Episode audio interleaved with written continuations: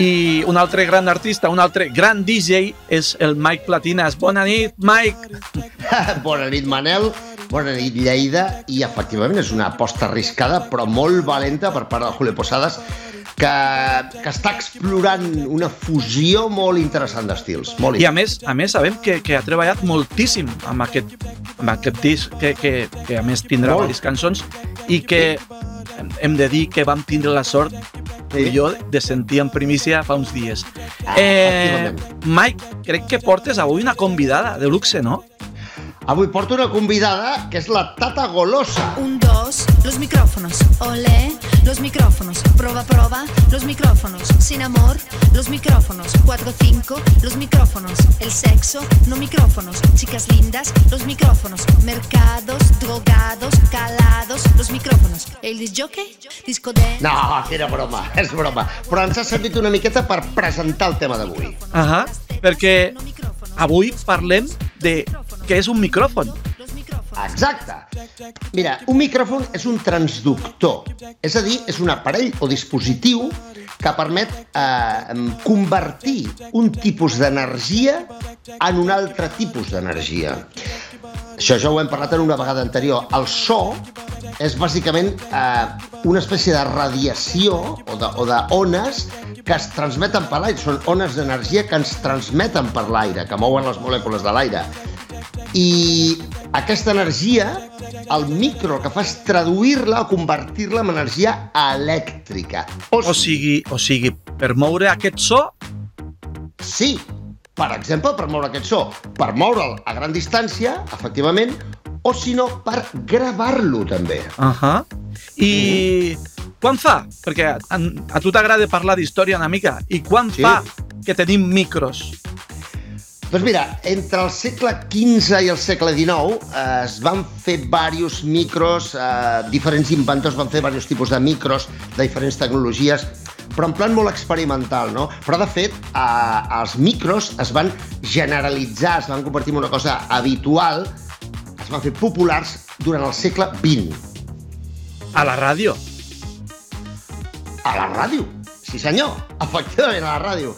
Es van fer populars a la ràdio i el micro més famós del món de la ràdio principalment, que tots el tenim una mica a la memòria, ara l'estem veient aquí, ara l'estem veient, és el famós Shure 55S, Mhm. que és de l'any 51 i que durant dècades es va utilitzar a la, a la ràdio i inclús avui en dia, per donar aquell toc vintage, aquell toc guai antic, surt a molts videoclips. Ahà. I, I tant. Eh, I quins són els tipus de micros més habituals? Mira, hi ha diferents, diferents tecnologies de micro, eh, hi ha micros de cinta, hi ha micros, i micros inclús amb làser, no? Però els més eh, comuns, els més habituals, són els micros dinàmics, que són, eh, mm, són micros eh, que s'utilitzen, són més durs, s'utilitzen molt en escenari, per exemple, a l'SM58 de Shure, per exemple, i després hi ha altres tipus de micros, també com els eh, de condensador, que són els de més qualitat, no? I són realment aquests els més... Eh, els, els millors? Sí, els de, micros de condensador són els millors, però tenen un petit detall eh, que s'ha de tenir en compte, que és que necessiten alimentació. Normalment van amb alimentació a través del cable, de 48 volts, alimentació Phantom, i n'hi ha alguns també que van amb una petita pila. I són molt habituals, com he dit abans, en estudis de gravació i avui en dia també en ràdio, i els més famosos són els Neumann, mítics, els Rode, els Audiotècnica, totes aquestes marques fan excel·lents micròfons. I també hi ha micros per gravar a distància? Sí, eh, vosaltres sabeu les pel·lícules d'espies? Mhm. Que es veu uns que estan... Eh, a les pel·lícules d'espies passen moltes coses que són mentida. Clar. Però són guais i queden bé per dramatitzar, per, per crear drama i per crear tensió a la pel·lícula, no? Però això, eh, eh, hi ha una cosa que sí que és certa. Realment es pot gravar una conversa de dues persones a 20, 25, 30 metres de distància amb bona qualitat d'àudio. I Mhm. això es fa amb aquests micros que dit tu, amb el shotgun, Ahà. és un tipus de micro que té una forma com, com si fos una escopeta. Són molt i molt Ahà. llargs, tenen un tub molt llarg i són molt direccionals. O sigui, apunten cap a un punt concret i si tu els apunt, apuntes bé, pots gravar converses a distància. Això és cert. I parlant d'espies, que has comentat lo dels espies, Eh, hi ha micros més petits? Sí, sí, sí. Hi ha micros molt i molt i molt petits avui en dia.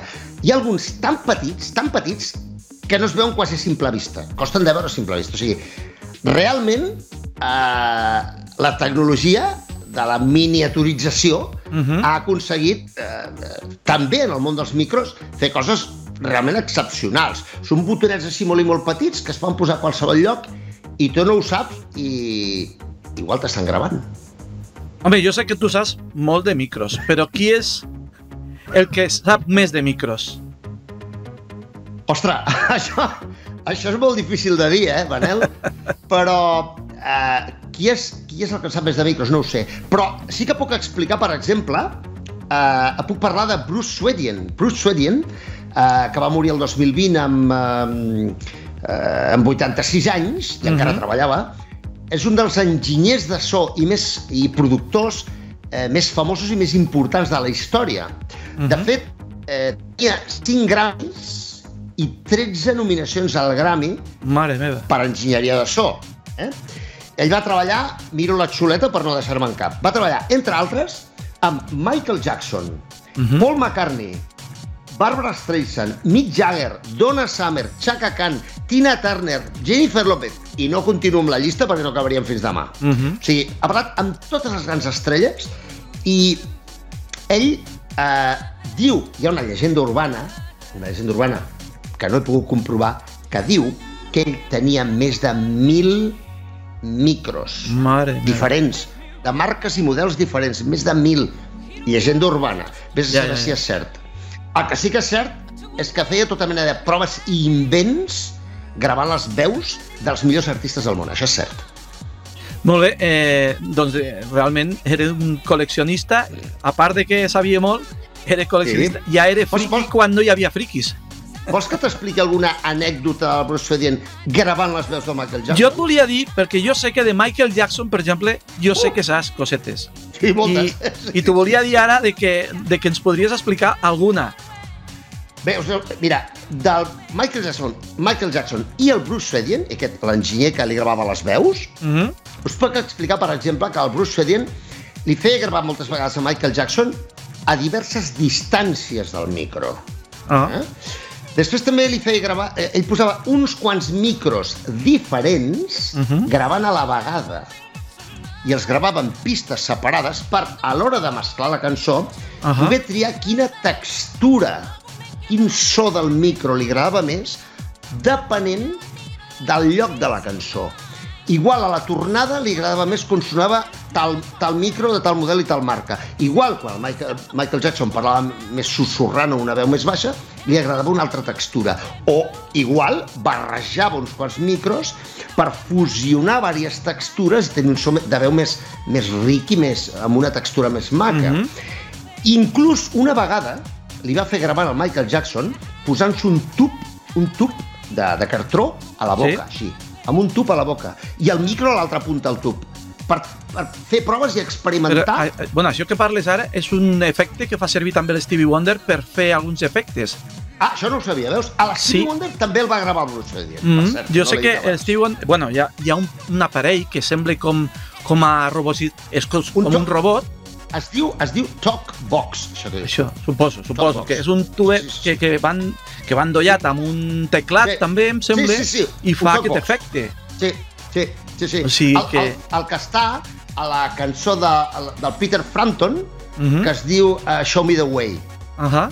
El Show Me the Way Peter Frampton també està fet, està fet amb Talkbox i molts altres, eh? Un dia parlarem del, un dia parlarem del Talkbox, que és molt guai. Sí, sí, sí, sí. Doncs tot això és molt interessant. Eh, tens alguna historieta més que ens vulguis explicar? Perquè avui encara tenim una mica de temps. Doncs, a veure, alguna història més que us pugui explicar, per exemple. Uh, de, Ma de Michael Jackson i de Bruce Swedian, sí. Sí, mira. clar. A veure, per exemple, quan el Michael Jackson, eh, una de les vegades que gravava amb Bruce Swedian, Bruce Swedian li va fer gravar a, des de l'altra punta de l'estudi, com si cridés, m'explico? Uh Mhm. -huh. Per què? Per agafar amb el micro tot el so ambient, el so de l'ambient de l'habitació. Eh? Uh. -huh. I per, perquè sonés com més llunyà. I aquesta, aquesta gravació la va posar de fons perquè tingués un estèreo més obert i guanyés una mica d'ambient. Uh -huh. O sigui, feia tota mena d'experiments estranys. Però no és que els fes ell o el seu ajudant, no, no. Li feia fent el Michael Jackson, li feia fer la Tina Turner, i a vegades deien, hòstia, però aquest, però aquest què fa? Aquest, no, no, sí, tu deixa'l, i els putos, tu deixa'l que ell experimenti, que sempre se li acudeixen coses. I sempre inventava coses d'aquestes. I Hi ha una altra... abans, Sí, sí.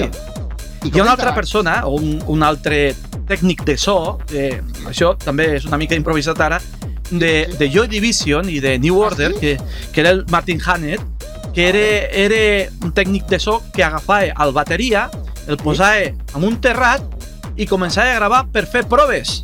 Clar, O sigui, i, i feia ecos i feia coses d'aquestes i experimentava amb, amb el so i amb els micros. Els posava, o sigui, agafava el bateria, el posava al terrat, posava uns micros i el deixava allà hores tocant. És que, és que Manel i tots els que esteu veient-nos, eh, en el món de la música, i la música és creativitat, el Mhm. més important de tot és explorar.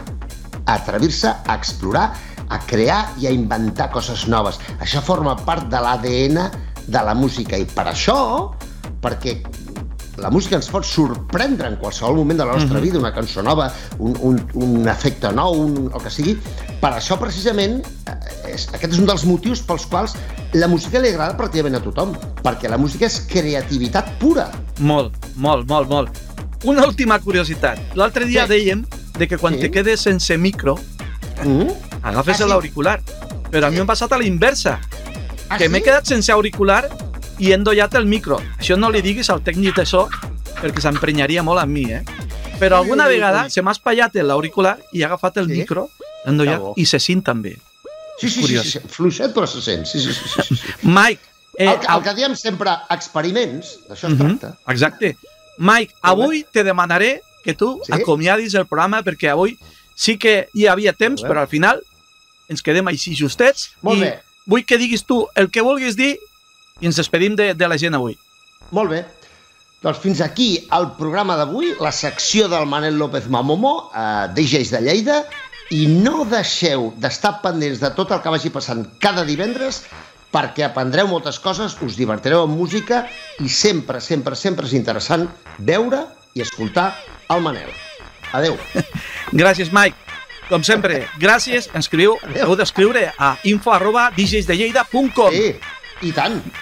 I tant. Adeu. Adeu.